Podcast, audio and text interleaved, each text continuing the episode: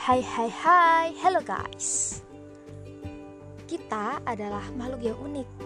Hanya kita yang diciptakan dengan akal.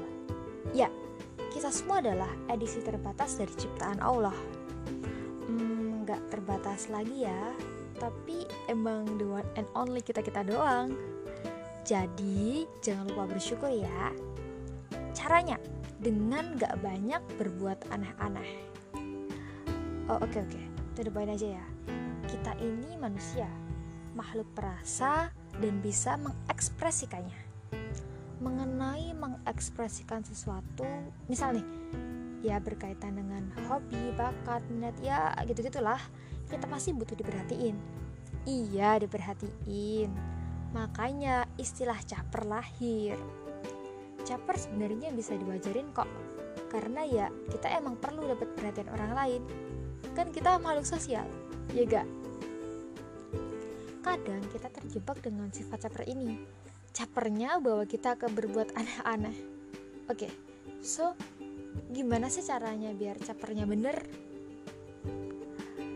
Yep kalau menurut aku ya jawabannya cuma satu yaitu caper ke diri sendiri.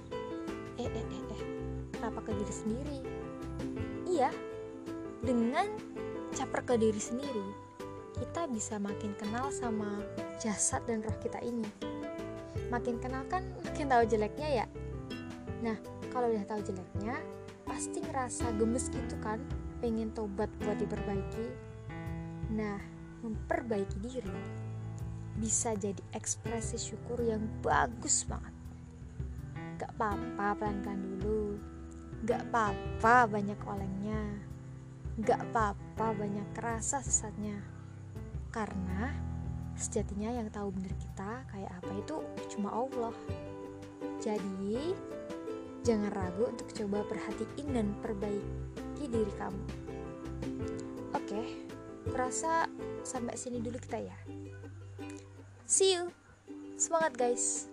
Semangat caper ke diri sendiri Bukan ke orang lain apalagi gepetan No no no no okay, terima kasih udah dengerin podcast gak jelas aku ini.